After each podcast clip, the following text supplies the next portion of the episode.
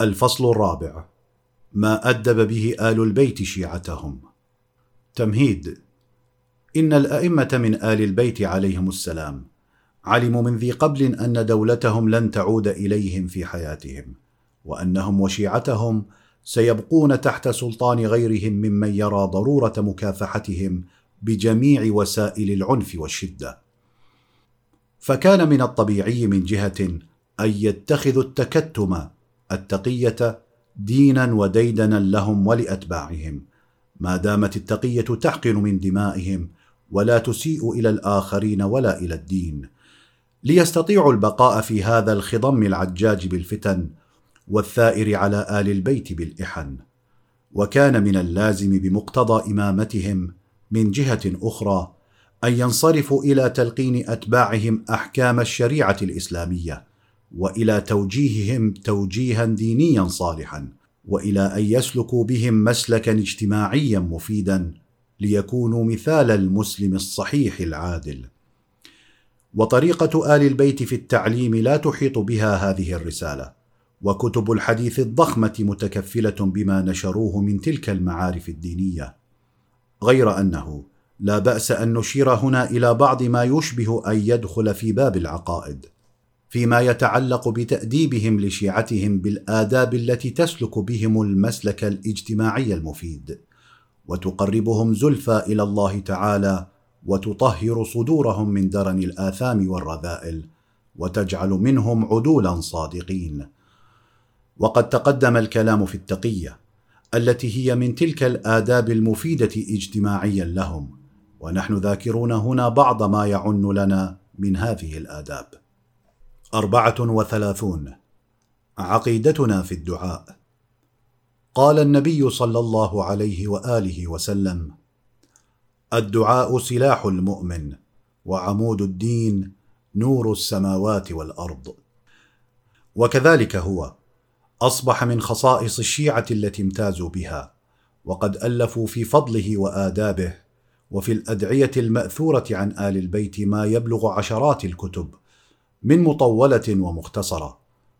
وقد أودع في هذه الكتب ما كان يهدف إليه النبي وآل بيته صلى الله عليهم وسلم من الحث على الدعاء والترغيب فيه حتى جاء عنهم أفضل العبادة الدعاء واحب الأعمال إلى الله عز وجل في الأرض الدعاء.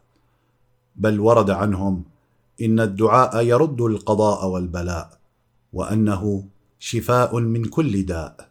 وقد ورد أن أمير المؤمنين صلوات الله عليه كان رجلا دعاء أي كثير الدعاء وكذلك ينبغي أن يكون وهو سيد الموحدين وإمام الإلهيين. وقد جاءت أدعيته كخطبه. آية من آيات البلاغة العربية كدعاء كميل بن زياد المشهور وقد تضمنت من المعارف الإلهية والتوجيهات الدينية ما يصلح أن تكون منهجا رفيعا للمسلم الصحيح. وفي الحقيقة إن الأدعية الواردة عن النبي وآل بيته عليهم الصلاة والسلام خير منهج للمسلم إذا تدبرها. تبعث في نفسه قوة الإيمان والعقيدة وروح التضحية في سبيل الحق وتعرفه سر العبادة ولذة مناجاة الله تعالى والانقطاع إليه. وتلقنه ما يجب على الإنسان أن يعلمه لدينه وما يقربه إلى الله تعالى زلفى ويبعده عن المفاسد والأهواء والبدع الباطلة. وبالاختصار إن هذه الأدعية قد أودعت فيها خلاصة المعارف الدينية من الناحية الخلقية والتهذيبية للنفوس ومن ناحية العقيدة الإسلامية بل هي من أهم مصادر الآراء الفلسفية والمباحث العلمية في الإلهيات والأخلاقيات.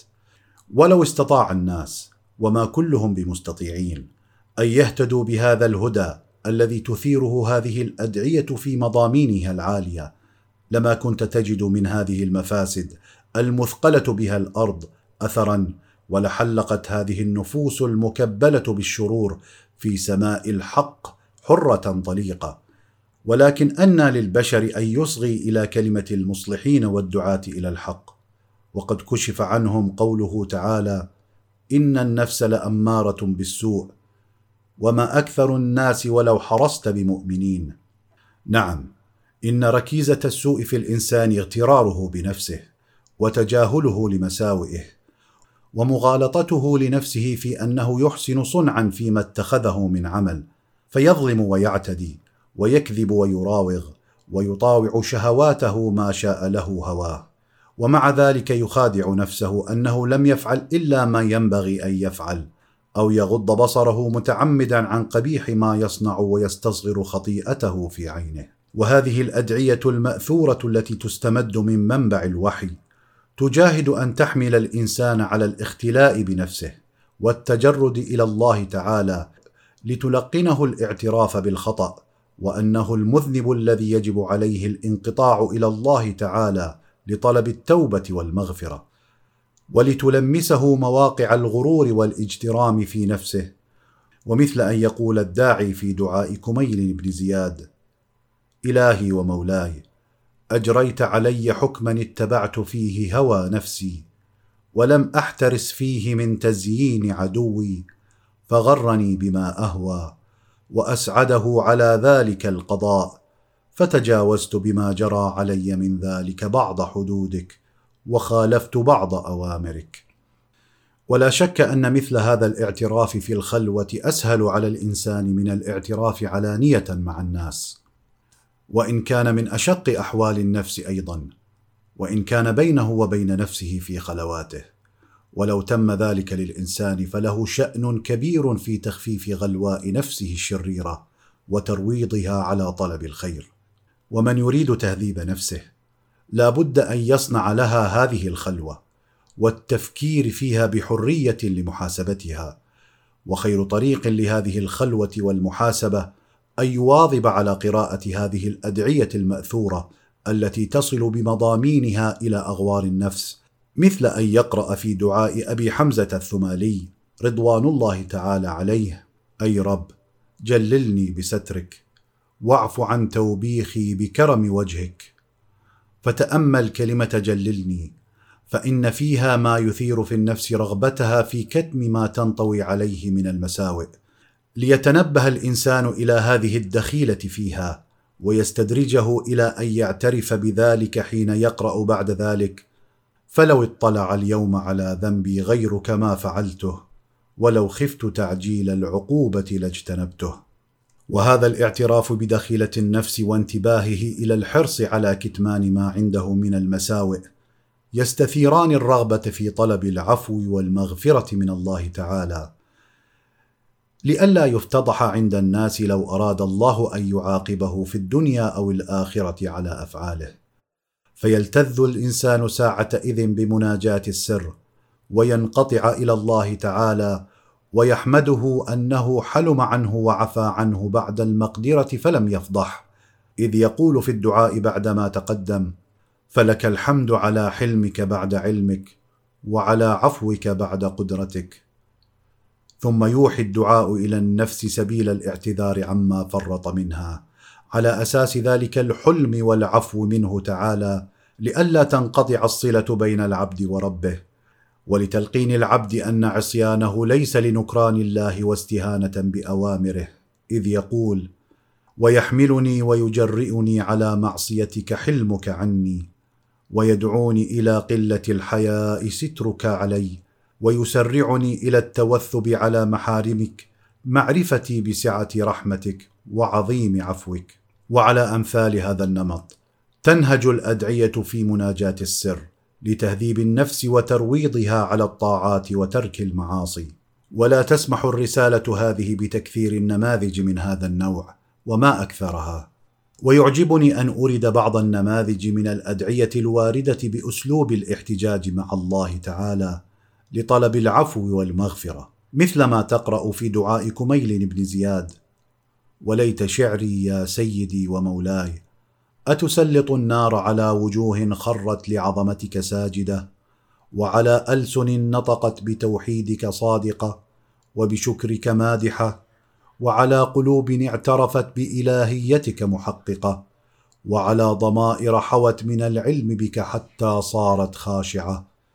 وعلى جوارح سعت إلى أوطان تعبدك طائعة وأشارت باستغفارك مذعنة. ما هكذا الظن بك؟ ولا أخبرنا بفضلك. كرر قراءة هذه الفقرات وتأمل في لطف هذا الاحتجاج وبلاغته وسحر بيانه. فهو في الوقت الذي يوحي للنفس الاعتراف بتقصيرها وعبوديتها يلقنها عدم اليأس من رحمة الله تعالى وكرمه. ثم يكلم النفس بابن عم الكلام ومن طرف خفي لتلقينها واجباتها العليا إذ يفرض فيها أنها قد قامت بهذه الواجبات كاملة ثم يعلمها أن الإنسان بعمل هذه الواجبات يستحق التفضل من الله بالمغفرة. وهذا ما يشوق المرء إلى أن يرجع إلى نفسه. فيعمل ما يجب أن يعمله إن كان لم يؤدي تلك الواجبات. ثم تقرأ اسلوبا آخر من الاحتجاج من نفس الدعاء. فهبني يا إلهي وسيدي وربي صبرت على عذابك فكيف أصبر على فراقك؟ وهبني يا إلهي صبرت على حر نارك فكيف أصبر عن النظر إلى كرامتك؟ وهذا التلقين للنفس بضرورة الالتذاذ بقرب الله تعالى ومشاهدة كرامته وقدرته حبا له وشوقا إلى ما عنده وبأن هذا الالتذاذ ينبغي أن يبلغ من الدرجة على وجه يكون تأثير تركه على النفس أعظم من العذاب وحر النار. فلو فرض أن الإنسان تمكن من أن يصبر على حر النار فإنه لا يتمكن من الصبر على هذا الترك. كما تفهمنا هذه الفقرات أن هذا الحب والالتذاذ بالقرب من المحبوب المعبود خير شفيع للمذنب عند الله لأن يعفو ويصفح عنه. ولا يخفى لطف هذا النوع من التعجب والتملق إلى الكريم الحليم قابل التوب وغافر الذنب. ولا بأس في أن نختم بحثنا هذا بإيراد دعاء مختصر جامع لمكارم الأخلاق. ولما ينبغي لكل عضو من الإنسان وكل صنف منه أن يكون عليه من الصفات المحمودة.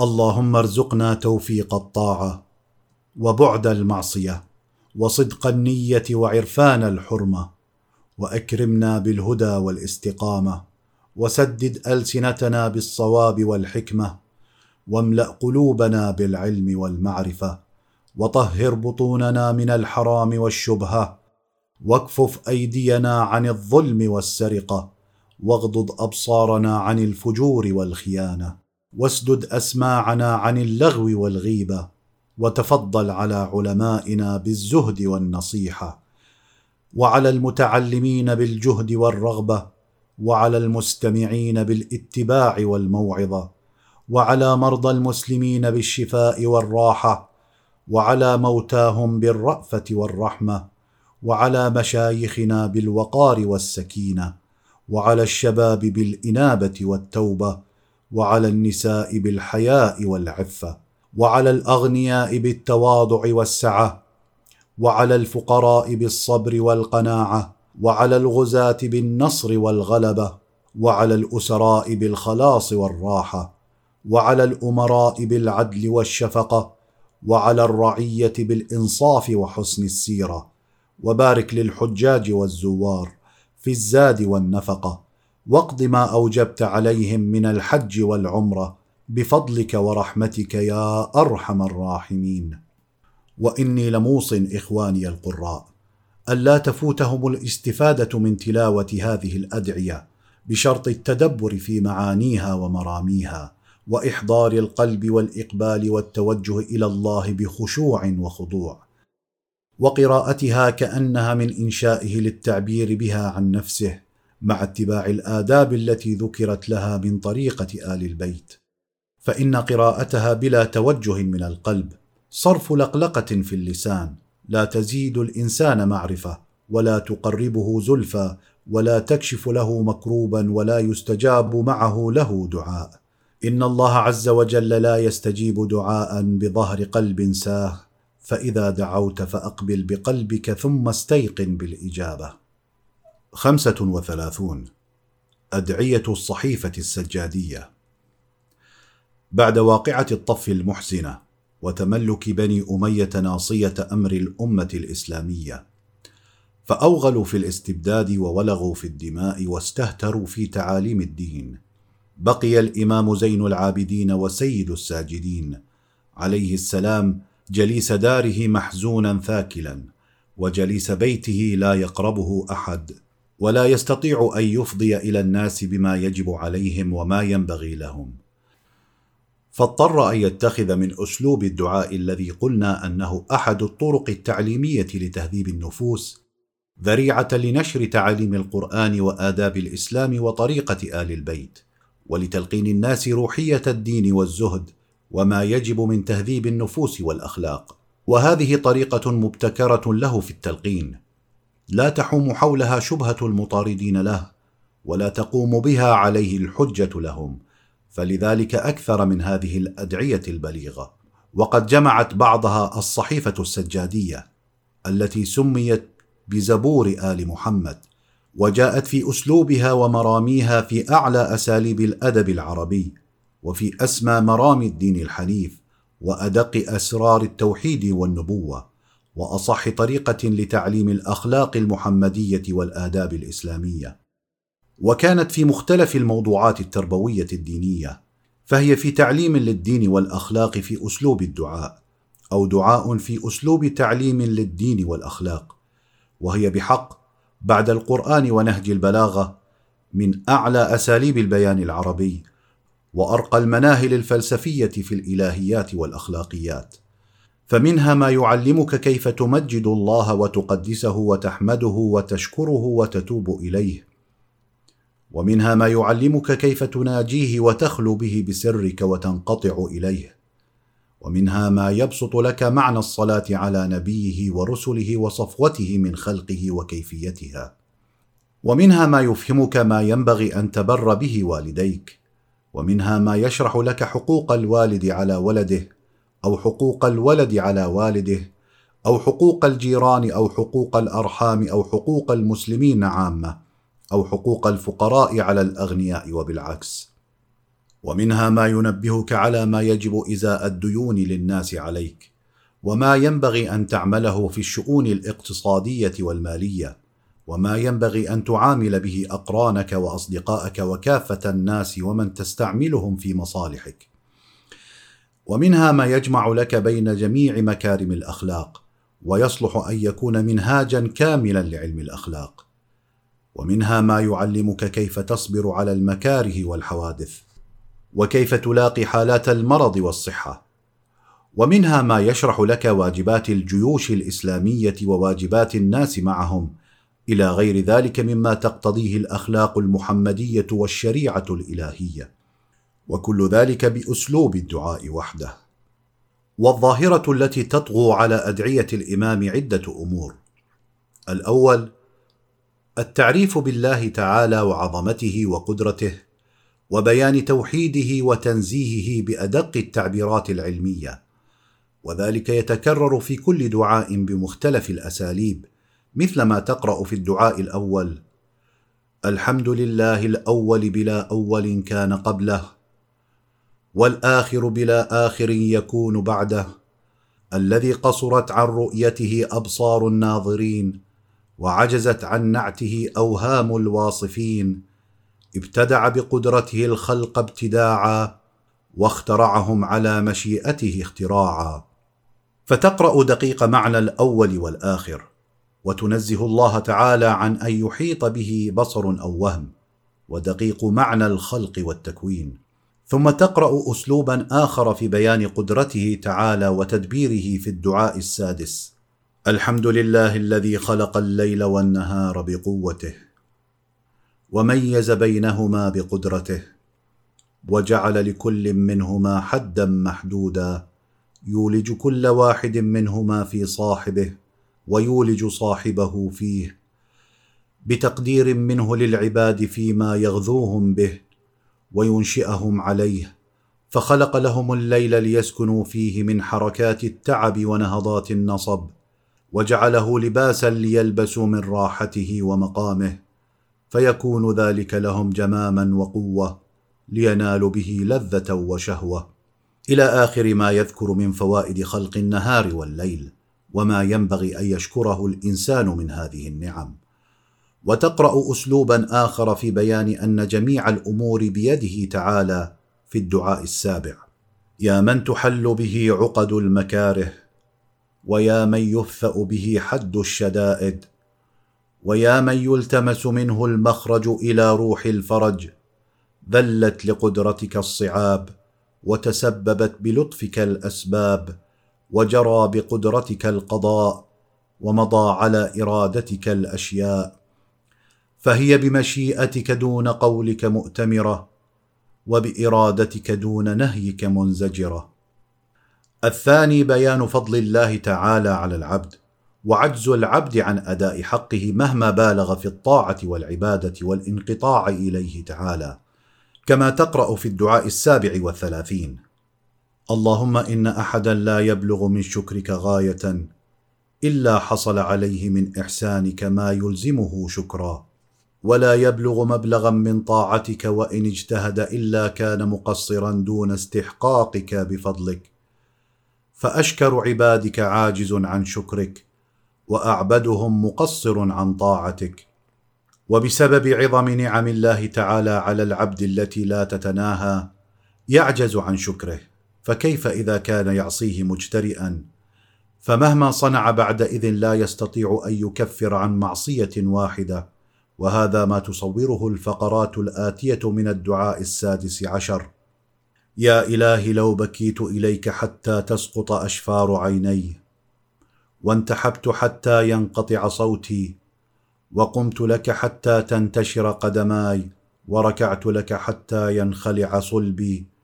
وسجدت لك حتى تتفتا حدقتاي وأكلت تراب الأرض طول عمري وشربت ماء الرماد آخر دهري وذكرتك في خلال ذلك حتى يكل لساني ثم لم أرفع طرفي إلى آفاق السماء استحياء منك ما استوجبت بذلك محو سيئة واحدة من سيئاتي. الثالث التعريف بالثواب والعقاب والجنة والنار. وأن ثواب الله تعالى كله تفضل وأن العبد يستحق العقاب منه بأدنى معصية يجترئ بها والحجة عليه فيها لله تعالى.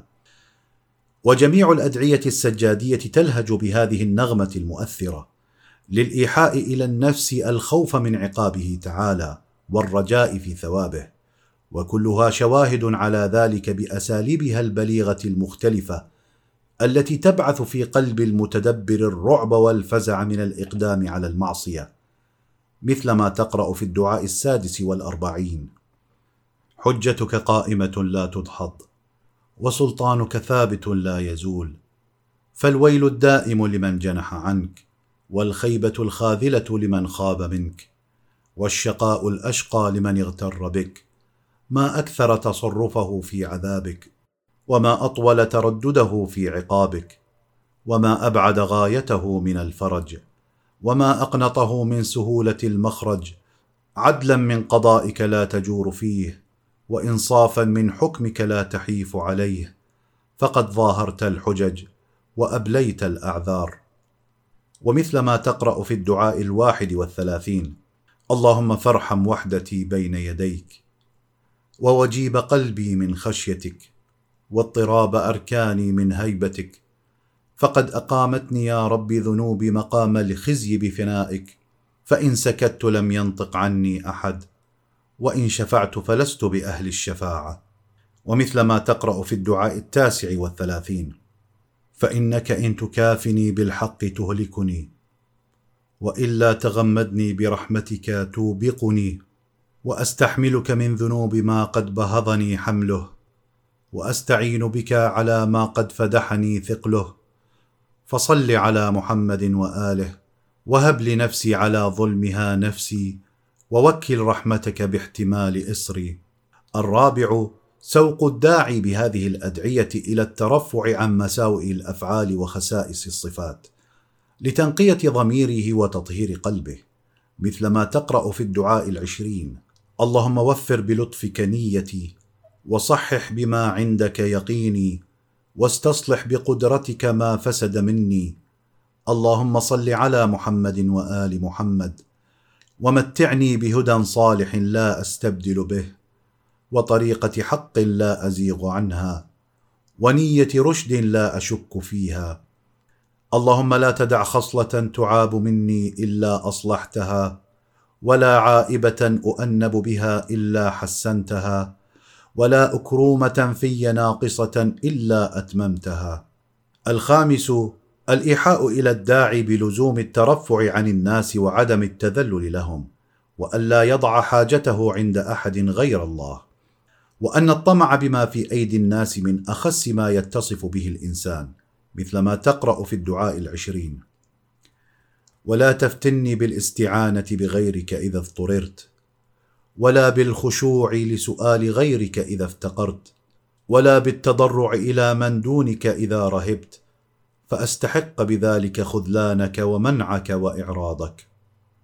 ومثل ما تقرأ في الدعاء الثامن والعشرين اللهم إني أخلصت بانقطاع إليك وصرفت وجهي عمن يحتاج إلى رفدك وقلبت مسألتي عمن لم يستغن عن فضلك ورأيت أن طلب المحتاج إلى المحتاج سفه من رأيه وضله من عقله. ومثل ما تقرأ في الدعاء الثالث عشر فمن حاول سد خلته من عندك ورام صرف الفقر عن نفسه بك فقد طلب حاجته في مظانها وأتى طلبته من وجهها. ومن توجه بحاجته إلى أحد من خلقك أو جعله سبب نجحها دونك فقد تعرض للحرمان واستحق منك فوت الإحسان.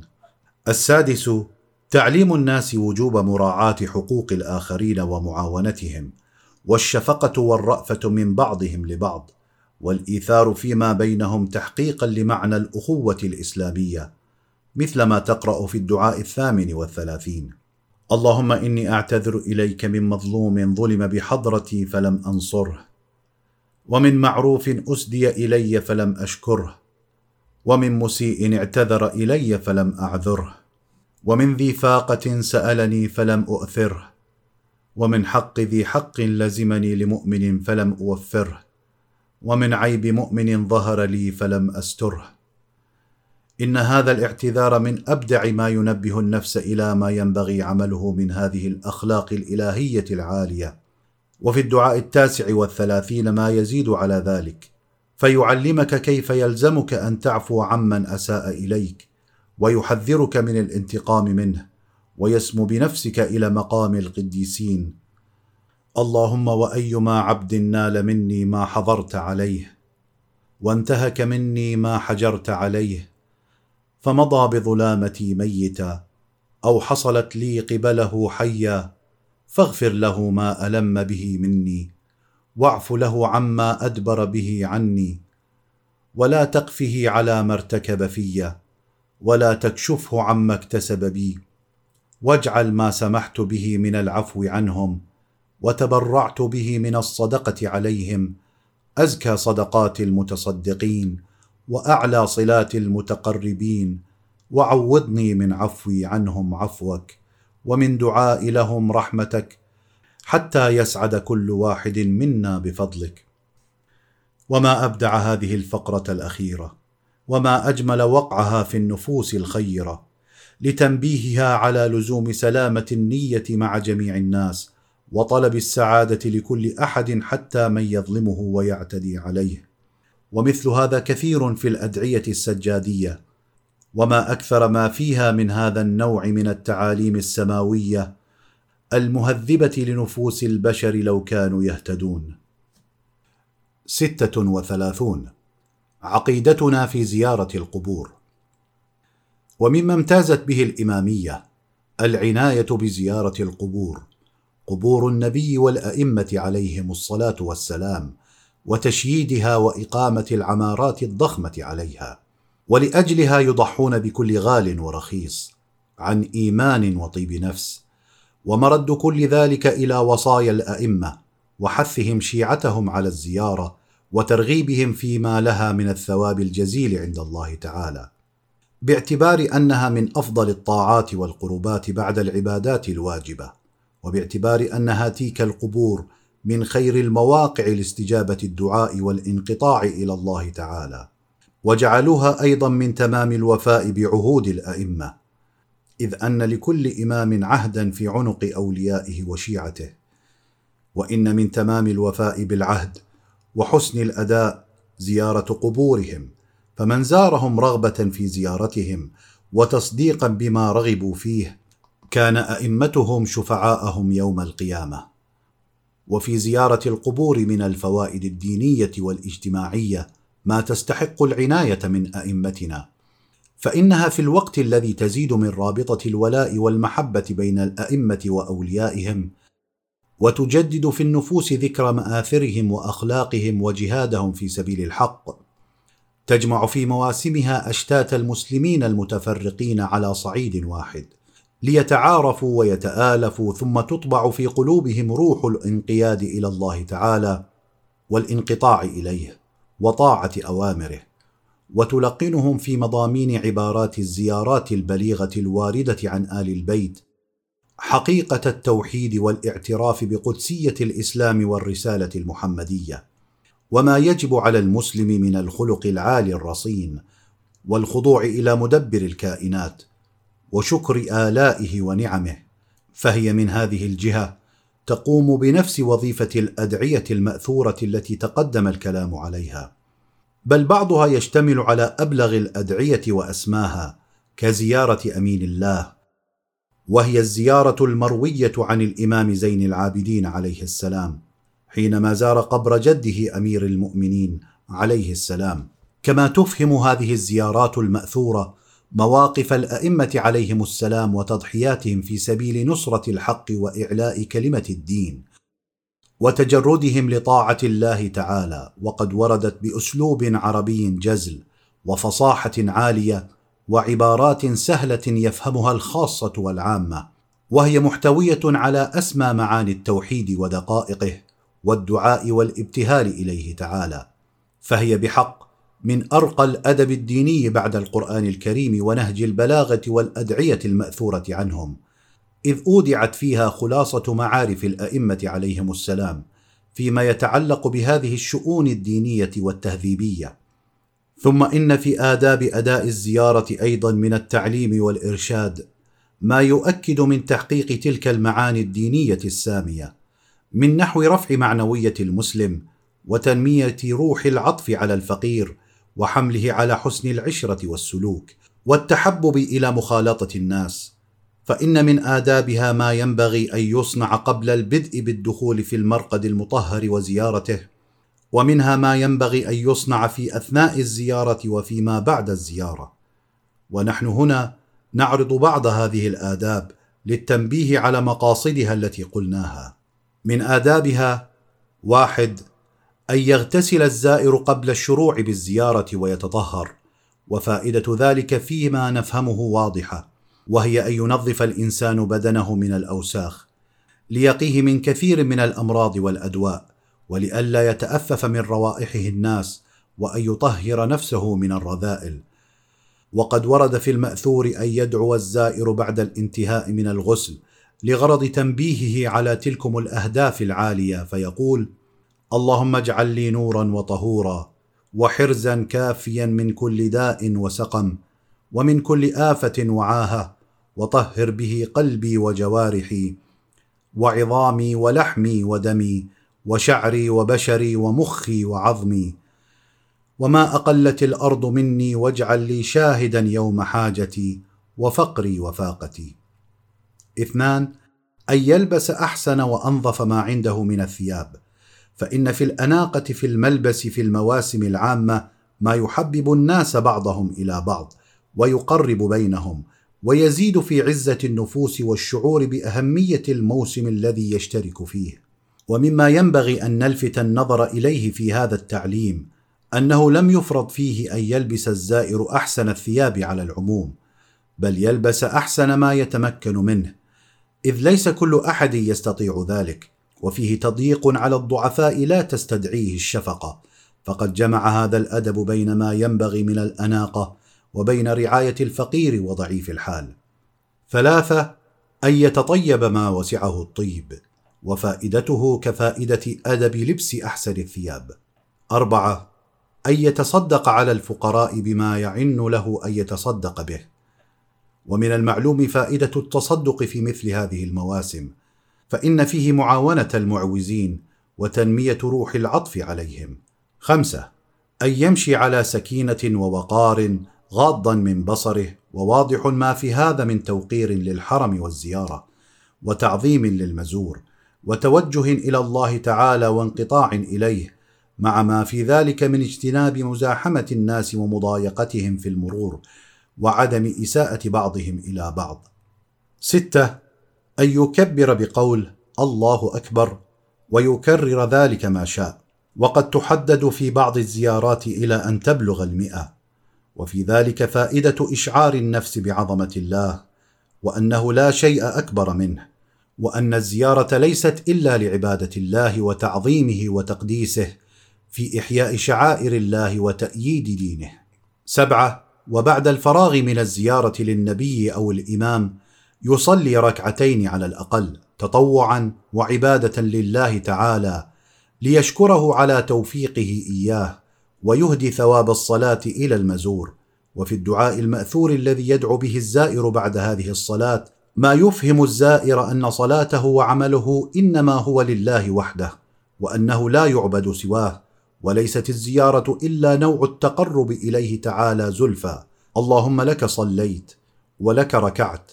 ولك سجدت وحدك لا شريك لك لأنه لا تكون الصلاة والركوع والسجود إلا لك لأنك أنت الله لا إله إلا أنت. اللهم صل على محمد وآل محمد وتقبل مني زيارتي وأعطني سؤلي بمحمد وآله الطاهرين. وفي هذا النوع من الأدب ما يوضح لمن يريد أن يفهم الحقيقة عن مقاصد الأئمة وشيعتهم تبعا لهم في زيارة القبور. وما يلقم المتجاهلين حجرا حينما يزعمون أنها عندهم من نوع عبادة القبور والتقرب إليها والشرك بالله. وأغلب الظن أن غرض أمثال هؤلاء من التزهيد فيما يجلب لجماعة الإمامية من الفوائد الاجتماعية الدينية في مواسم الزيارات إذ أصبحت شوكة في أعين أعداء آل بيت محمد وإلا فما نظنهم يجهلون حقيقة مقاصد آل البيت فيها. حاشا أولئك الذين أخلصوا لله نياتهم وتجردوا له في عباداتهم وبذلوا مهجهم في نصرة دينه أن يدعوا الناس إلى الشرك في عبادة الله. ثمانية ومن آداب الزيارة أن يلزم للزائر حسن الصحبة لمن يصحبه، وقلة الكلام إلا بخير، وكثرة ذكر الله والخشوع وكثرة الصلاة والصلاة على محمد وآل محمد، وأن يغض من بصره وأن يعدو إلى أهل الحاجة من إخوانه إذا رأى منقطعا والمواساة لهم والورع عما نهي عنه. وعن الخصومة وكثرة الإيمان والجدال الذي فيه الإيمان. ثم أنه ليست حقيقة الزيارة إلا السلام على النبي أو الإمام. باعتبار أنهم أحياء عند ربهم يرزقون. فهم يسمعون الكلام ويردون الجواب ويكفي أن يقول فيها مثلا السلام عليك يا رسول الله. غير أن الأولى أن يقرأ فيها المأثور الوارد من الزيارات عن آل البيت لما فيها كما ذكرنا من المقاصد العالية والفوائد الدينية مع بلاغتها وفصاحتها ومع ما فيها من الأدعية العالية التي يتجه بها الإنسان إلى الله تعالى وحده. سبعة وثلاثون. عقيدتنا في معنى التشيع عند آل البيت. إن الأئمة من آل البيت عليهم السلام لم تكن لهم همة بعد أن انصرف عن أن يرجع أمر الأمة إليهم إلا تهذيب المسلمين وتربيتهم تربية صالحة كما يريدها الله تعالى منهم. فكانوا مع كل من يواليهم ويأتمنونه على سرهم يبذلون قصارى جهدهم في تعليمه الأحكام الشرعية وتلقينه المعارف المحمدية ويعرفونه ما له وما عليه. ولا يعتبرون الرجل تابعا وشيعة لهم إلا إذا كان مطيعا لأمر الله مجانبا لهواه اخذا بتعاليمهم وإرشاداتهم. ولا يعتبرون حبهم وحده كافيا للنجاة. كما قد يمني نفسه بعض من يسكن إلى الدعة والشهوات ويلتمس عذرا في التمرد على طاعة الله سبحانه. إنهم لا يعتبرون حبهم وولاءهم منجاة إلا إذا اقترن بالأعمال الصالحة وتحلى الموالي لهم بالصدق والأمانة والورع والتقوى. يا خيثمة أبلغ موالينا أنه لا نغني عنهم من الله شيئا إلا بعمل وأنهم لن ينالوا ولايتنا إلا بالورع. وأن أشد الناس حسرة يوم القيامة من وصف عدلا ثم خالفه إلى غيره. بل هم يريدون من أتباعهم أن يكونوا دعاة للحق وأدلاء على الخير والرشاد ويرون أن الدعوة بالعمل أبلغ من الدعوة باللسان. كونوا دعاة للناس بالخير بغير ألسنتكم ليروا منكم الإجتهاد والصدق والورع. ونحن نذكر لك الآن بعض المحاورات التي جرت لهم مع بعض أتباعهم لتعرف مدى تشديدهم وحرصهم على تهذيب أخلاق الناس. واحد محاورة أبي جعفر الباقر عليه السلام مع جابر الجعفي. يا جابر أيكتفي من ينتحل التشيع أن يقول بحبنا أهل البيت فوالله ما شيعتنا إلا من اتقى الله وأطاعه. وما كانوا يعرفون إلا بالتواضع والتخشع والأمانة وكثرة ذكر الله والصوم والصلاة والبر بالوالدين والتعاهد للجيران من الفقراء وأهل المسكنة والغارمين والأيتام وصدق الحديث وتلاوة القرآن وكف الألسن عن الناس إلا من خير وكانوا أمناء عشائرهم في الأشياء فاتقوا الله واعملوا لما عند الله ليس بين الله وبين أحد قرابة أحب العباد إلى الله عز وجل أتقاهم وأعملهم بطاعته. يا جابر والله ما نتقرب إلى الله تبارك وتعالى إلا بالطاعة. وما معنا براءة من النار ولا على الله لأحد من حجة. من كان لله مطيعا فهو لنا ولي ومن كان لله عاصيا فهو لنا عدو. وما تنال ولايتنا إلا بالعمل والورع. اثنان محاورة أبي جعفر عليه السلام أيضا مع سعيد بن الحسن. أبو جعفر عليه السلام أيجيء أحدكم إلى أخيه فيدخل يده في كيسه فيأخذ حاجته فلا يدفعه؟ سعيد ما أعرف ذلك فينا. أبو جعفر عليه السلام لا شيء إذن. سعيد فالهلاك إذن.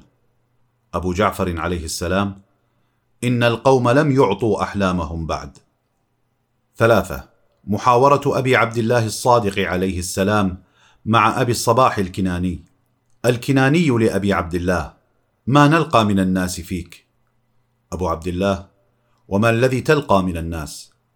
الكناني لا يزال يكون بيننا وبين الرجل الكلام فيقول جعفري خبيث. أبو عبد الله يعيركم الناس بي؟ الكناني. نعم. أبو عبد الله ما أقل والله من يتبع جعفرا منكم. إنما أصحاب من اشتد ورعه وعمل لخالقه ورجى ثوابه. هؤلاء أصحابي. أربعة. ولأبي عبد الله عليه السلام كلمات في هذا الباب نقتطف منها ما يلي. ألف. ليس منا ولا كرامة. من كان في مصر فيه مائه ألف أو يزيدون وكان في ذلك المصر أحد أورع منه. باء إنا لا نعد الرجل مؤمنا حتى يكون لجميع أمرنا متبعا ومريدا. ألا وإن من اتباع أمرنا وإرادته الورع. فتزينوا به يرحمكم الله. جيم ليس من شيعتنا من لا تتحدث المخدرات بورعه في خدورهن وليس من أوليائنا من هو في قرية فيها عشرة آلاف رجل. فيهم خلق لله أورع منه. دال انما شيعه جعفر من عف بطنه وفرجه واشتد جهاده وعمل لخالقه ورجى ثوابه وخاف من عقابه فإذا رأيت أولئك فأولئك شيعة جعفر. ثمانية وثلاثون عقيدتنا في الجور والظلم. من أكبر ما كان يعظمه الأئمة عليهم السلام على الإنسان من الذنوب العدوان على الغير والظلم للناس. وذلك اتباعا لما جاء في القرآن الكريم من تهويل الظلم واستنكاره. مثل قوله تعالى ولا تحسبن الله غافلا عما يعمل الظالمون إنما يؤخرهم ليوم تشخص فيه الأبصار. وقد جاء في كلام أمير المؤمنين عليه السلام ما يبلغ الغاية في بشاعة الظلم والتنفير منه كقوله وهو الصادق المصدق من كلامه في نهج البلاغة برقم 219 والله لو أعطيت الأقاليم السبعة بما تحت أفلاكها على أن أعصي الله في نملة أسلبها جلب شعيرة ما فعلت. وهذا غاية ما يمكن أن يتصوره الإنسان في التعفف عن الظلم والحذر من الجور واستنكار عمله. إنه لا يظلم نملة في قشرة شعير وإن أعطي الأقاليم السبعة فكيف حال من يلغ في دماء المسلمين وينهب أموال الناس ويستهين في أعراضهم وكراماتهم؟ كيف يكون قياسه إلى فعل أمير المؤمنين؟ وكيف تكون منزلته من فقهه صلوات الله عليه؟ إن هذا هو الأدب الإلهي الرفيع الذي يتطلبه الدين من البشر. نعم إن الظلم من أعظم ما حرم الله تعالى. فلذا أخذ من أحاديث آل البيت وأدعيتهم المقام الأول في ذمه وتنفير أتباعهم عنه. وهذه سياستهم عليهم السلام وعليها سلوكهم حتى مع من يعتدي عليهم ويجترئ على مقامهم. وقصة الإمام الحسن عليه السلام معروفة في حلمه عن الشامي الذي اجترأ عليه وشتمه. فلاطفه الإمام وعطف عليه حتى أشعره بسوء فعلته. وقد قرأت انفا في دعاء سيد الساجدين من الأدب الرفيع في العفو عن المعتدين وطلب المغفرة لهم وهو غاية ما يبلغه السمو النفسي والإنسانية الكاملة. وإن كان الاعتداء على الظالم بمثل ما اعتدى جائزا في الشريعة وكذا الدعاء عليه جائز مباح ولكن الجواز شيء والعفو الذي هو من مكارم الأخلاق شيء آخر. بل عند الأئمة أن المبالغة في الدعاء على الظالم قد تعد ظلما. قال الصادق عليه السلام إن العبد ليكون مظلوما فما يزال يدعو حتى يكون ظالما. أي حتى يكون ظالما في دعائه على الظالم بسبب كثرة تكراره. يا سبحان الله. أيكون الدعاء على الظالم إذا تجاوز الحد ظلما؟ إذا ما حال من يبتدئ بالظلم والجور ويعتدي على الناس أو ينهش أعراضهم أو ينهب أموالهم أو يشي عليهم عند الظالمين أو يخدعهم فيورطهم في المهلكات أو ينبزهم ويؤذيهم أو يتجسس عليهم. ما حال أمثال هؤلاء في فقه آل البيت عليهم السلام؟ إن أمثال هؤلاء أبعد الناس عن الله تعالى وأشدهم اثما وعقابا. وأقبحهم اعمالا واخلاقا. تسعة وثلاثون. عقيدتنا في التعاون مع الظالمين. ومن عظم خطر الظلم وسوء مغبته نهى الله تعالى عن معاونة الظالمين والركون إليهم. ولا تركنوا إلى الذين ظلموا فتمسكم النار وما لكم من دون الله من أولياء ثم لا تنصرون. هذا هو أدب القرآن الكريم. وهو أدب آل البيت عليهم السلام. وقد ورد عنهم ما يبلغ الغاية من التنفير عن الركون إلى الظالمين والاتصال بهم ومشاركتهم في أي عمل كان ومعاونتهم ولو بشق تمرة. ولا شك أن أعظم ما مني به الإسلام والمسلمون هو التساهل مع أهل الجور والتغاضي عن مساوئهم والتعامل معهم فضلا عن ممالأتهم ومناصرتهم وإعانتهم على ظلمهم. وما جر الويلات على الجامعة الإسلامية إلا ذلك الانحراف عن جدد الصواب والحق حتى ضعف الدين بمرور الأيام فتلاشت قوته ووصل إلى ما عليه اليوم فعاد غريبا وأصبح المسلمون أو ما يسمون أنفسهم بالمسلمين وما لهم من دون الله أولياء ثم لا ينصرون حتى على أضعف أعدائهم وأرذل المجترئين عليهم. كاليهود الأذلاء فضلا عن الصليبيين الأقوياء. لقد جاهد الأئمة عليهم السلام في إبعاد من يتصل بهم عن التعاون مع الظالمين وشددوا على أوليائهم في مسايرة أهل الظلم والجور وممالاتهم ولا يحصى ما ورد عنهم في هذا الباب.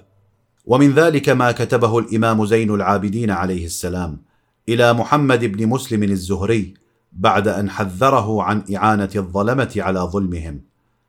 أوليس بدعائهم إياك حين دعوك؟ جعلوك قطبا اداروا بك رحم ظالمهم وجسرا يعبرون عليك إلى بلاياهم وسلما إلى ضلالتهم داعيا إلى غيهم سالكا سبيلهم. يدخلون بك الشك على العلماء ويقتادون بك قلوب الجهال إليهم. فلم يبلغ أخص وزرائهم ولا أقوى أعوانهم إلا دون ما بلغت من إصلاح فسادهم. واختلاف الخاصة والعامة إليهم. فما أقل ما أعطوك في قدر ما أخذوا منك وما أيسر ما عمروا لك في جنب ما خربوا عليك. فانظر لنفسك فإنه لا ينظر لها غيرك وحاسبها حساب رجل مسؤول. ما أعظم كلمة وحاسبها حساب رجل مسؤول. فإن الإنسان حينما يغلبه هواه يستهين في أغوار مكنون سره بكرامة نفسه. بمعنى أنه لا يجده مسؤولا عن أعماله ويستحقر ما يأتي به من أفعال ويتخيل أنه ليس بذلك الذي يحسب له الحساب على ما يرتكبه ويقترفه. إن هذا من أسرار النفس الإنسانية الأمارة فأراد الإمام أن ينبه الزهري على هذا السر النفساني في دخيلته الكامنة. لئلا يغلب عليه الوهم فيفرط في مسؤوليته عن نفسه. وأبلغ من ذلك في تصوير حرمة معاونة الظالمين. حديث صفوان الجمال مع الإمام موسى الكاظم عليه السلام وقد كان من شيعته ورواة حديثه الموثقين. قال حسب رواية الكشي في رجاله بترجمة صفوان دخلت عليه فقال لي يا صفوان كل شيء منك حسن جميل خلا شيئا واحدا. قلت جعلت فداك. أي شيء؟ قال إكراؤك جمالك من هذا الرجل يعني هارون. قلت والله ما أكريته أشرا ولا بطرا ولا للصيد ولا للهو ولكن أكريته لهذا الطريق يعني طريق مكة ولا أتولاه بنفسي ولكن أبعث معه غلماني. قال يا صفوان أيقع كراؤك عليهم؟ قلت نعم جعلت فداك. قال أتحب بقاءهم حتى يخرج كراك؟ قلت نعم. قال فمن أحب بقاءهم فهو منهم ومن كان منهم فهو كان ورد النار. قال صفوان فذهبت وبعت جمالي عن آخرها. فإذا كان نفس حب حياة الظالمين وبقائهم بهذه المنزلة فكيف بمن يستعينون به على الظلم أو يؤيدهم في الجور؟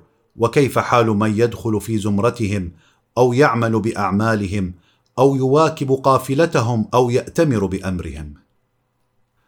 أربعون. عقيدتنا في الوظيفة في الدولة الظالمة.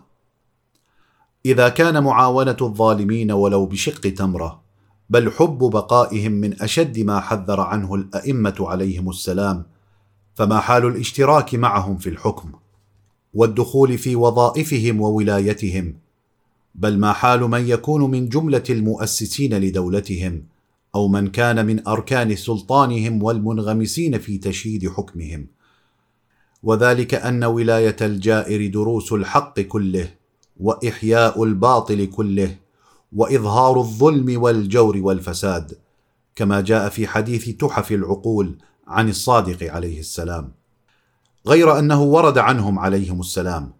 جواز ولاية الجائر إذا كان فيها صيانة العدل وإقامة حدود الله والإحسان إلى المؤمنين والأمر بالمعروف والنهي عن المنكر.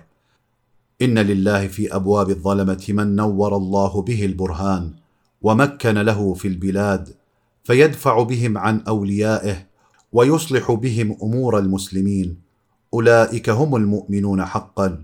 أولئك منار الله في أرضه. أولئك نور الله في رعيته كما جاء في الحديث عن الإمام موسى بن جعفر عليهما السلام. وفي هذا الباب أحاديث كثيرة توضح النهج الذي ينبغي أن يجري عليه الولاة والموظفون مثل ما في رسالة الصادق عليه السلام إلى عبد الله النجاشي أمير الأهواز. راجع الوسائل كتاب البيع الباب الثامن والسبعون. واحد وأربعون. عقيدتنا في الدعوة إلى الوحدة الإسلامية. عرف آل البيت عليهم السلام بحرصهم على بقاء مظاهر الإسلام والدعوة إلى عزته ووحدة كلمة أهله. وحفظ التآخي بينهم ورفع السخيمة من القلوب والأحقاد من النفوس. ولا ينسى موقف أمير المؤمنين عليه السلام مع الخلفاء الذين سبقوه. مع توجده عليهم واعتقاده بغصبهم لحقه فجاراهم وسالمهم بل حبس رأيه في أنه المنصوص عليه بالخلافة حتى أنه لم يجهر في حشد عام بالنص إلا بعد أن آل الأمر إليه فاستشهد بمن بقي من الصحابة عن نص الغدير في يوم الرحبة المعروف. وكان لا يتأخر عن الإشارة عليهم فيما يعود على المسلمين أو للإسلام بالنفع والمصلحة. وكم كان يقول عن ذلك العهد.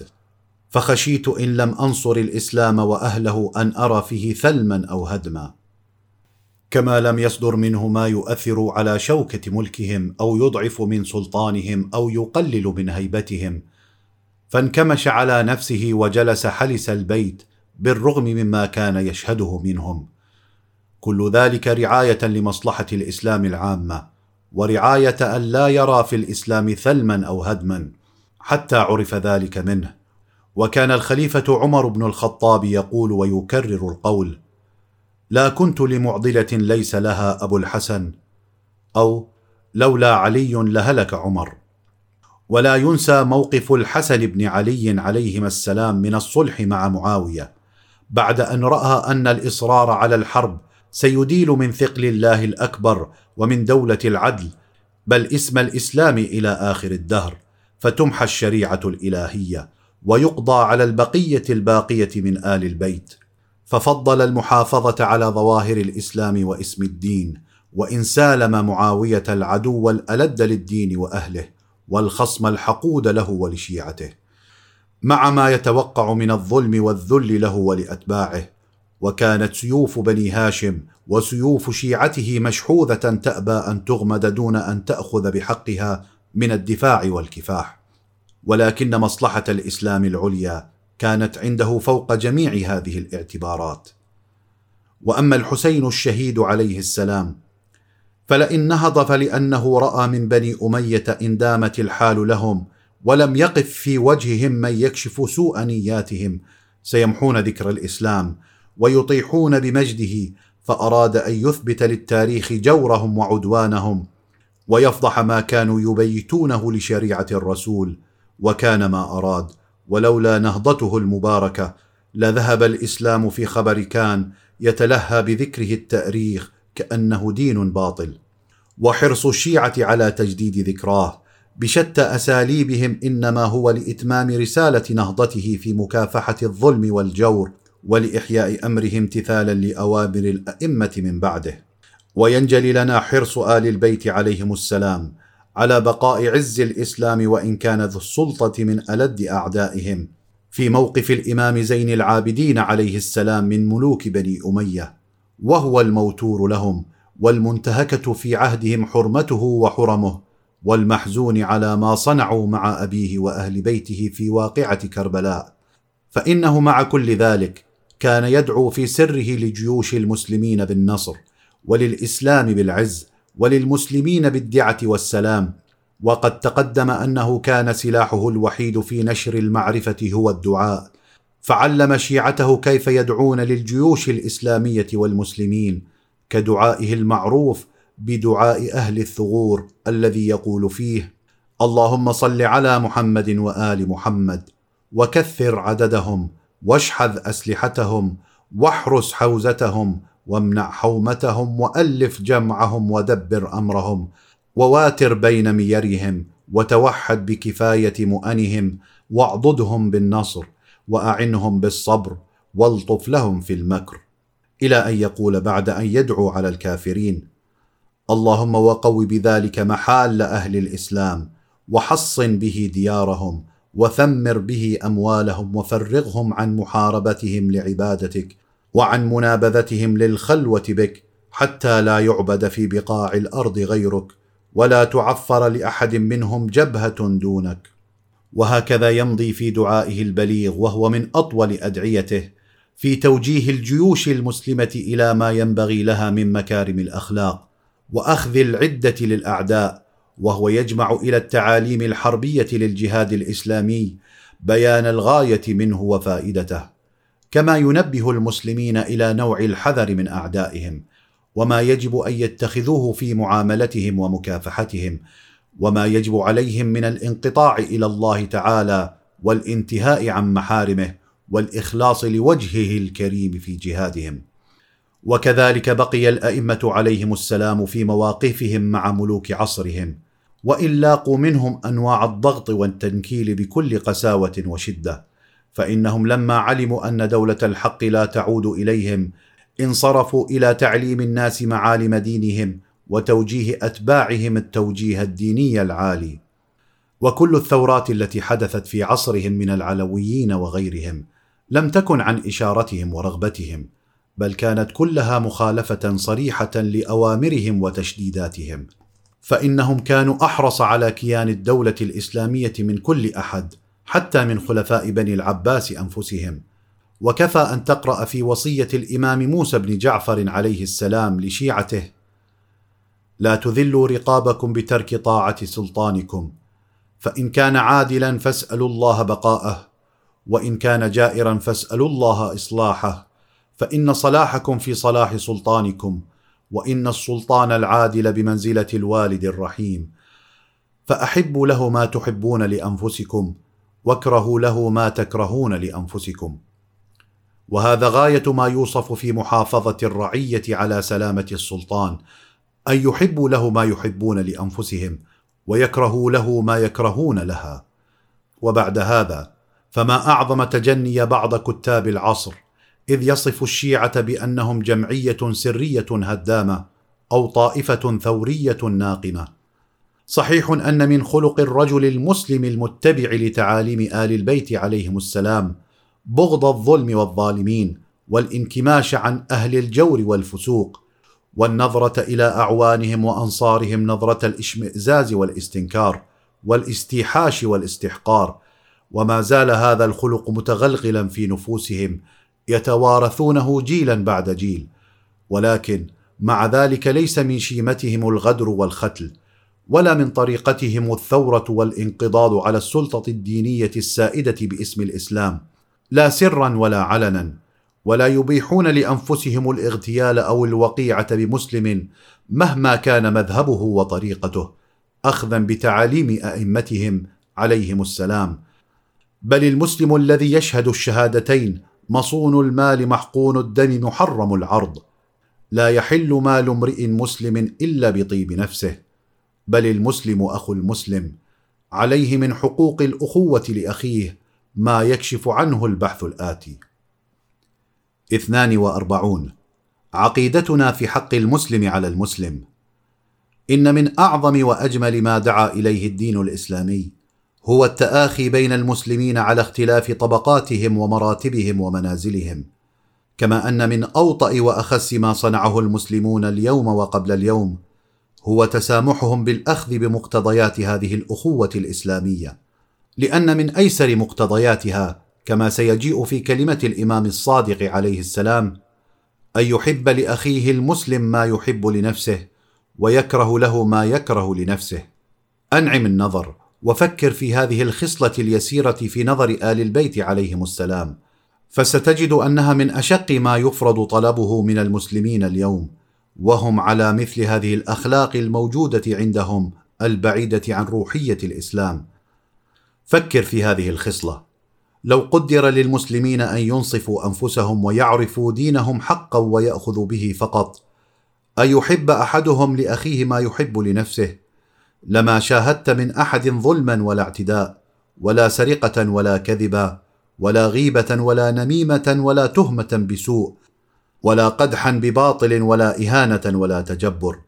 بلى إن المسلمين لو وقفوا لإدراك أيسر خصال الأخوة فيما بينهم وعملوا بها لارتفع الظلم والعدوان من الأرض ولرأيت البشر إخوانا على سرر متقابلين قد كملت لهم أعلى درجات السعادة الاجتماعية.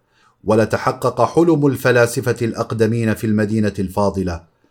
فما احتاجوا حينما يتبادلون الحب والمودة إلى الحكومات والمحاكم ولا إلى الشرطة والسجون ولا إلى قانون للعقوبات وأحكام للحدود والقصاص ولما خضعوا لمستعمر ولا خنعوا لجبار ولا استبد بهم الطغاة ولتبدلت الأرض غير الأرض وأصبحت جنة النعيم ودار السعادة.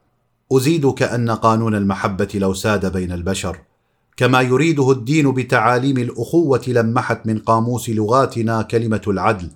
بمعنى إنا لم نعد نحتاج إلى العدل وقوانينه حتى نحتاج إلى استعمال كلمته بل كفانا قانون الحب لنشر الخير والسلام والسعادة والهناء لأن الإنسان لا يحتاج إلى استعمال العدل ولا يطلبه القانون منه إلا إذا فقد الحب في من يجب أن يعدل معه. أما في من يبادله الحب كالولد والأخ إنما يحصل إليه ويتنازل له عن جملة من رغباته فبدافع من الحب والرغبة عن طيب خاطر لا بدافع العدل والمصلحة. وسر ذلك أن الإنسان لا يحب إلا نفسه وما يلائم نفسه ويستحيل أن يحب شيئا أو شخصا خارجا عن ذاته إلا إذا ارتبط به وانطبعت في نفسه منه صورة ملائمة مرغوبة لديه.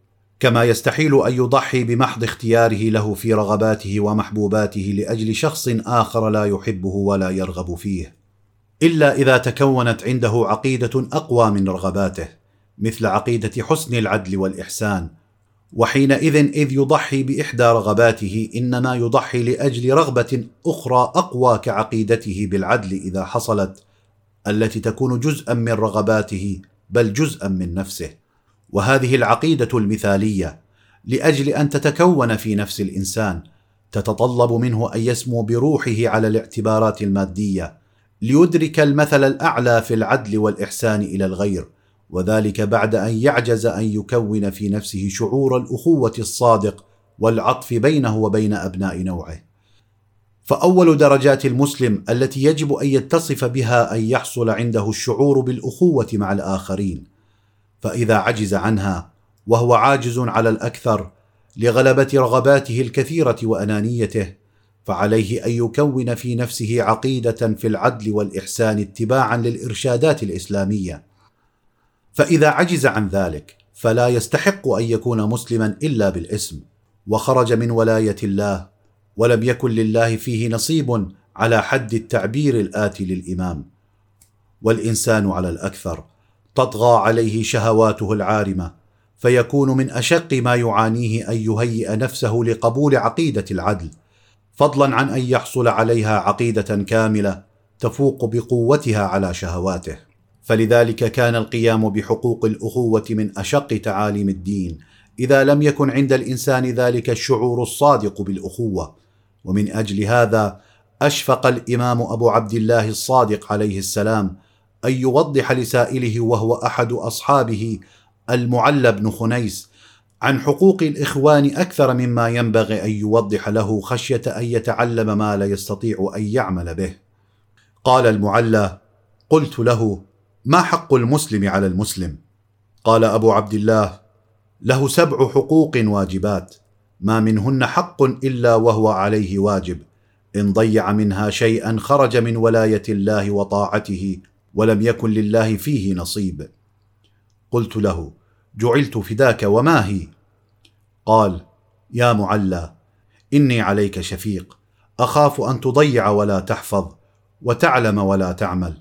قلت لا قوة إلا بالله. وحينئذ ذكر الإمام الحقوق السبعة بعد أن قال الأول منها أيسر حق منها أن تحب له كما تحب لنفسك وتكره له ما تكره لنفسك. يا سبحان الله هذا هو الحق اليسير. فكيف نجد نحن المسلمون اليوم يسر هذا الحق علينا؟ شاهت وجوه تدعي الإسلام ولا تعمل بأيسر ما يفرضه من حقوق. والأعجب أن يلصق بالإسلام هذا التأخر الذي أصاب المسلمين.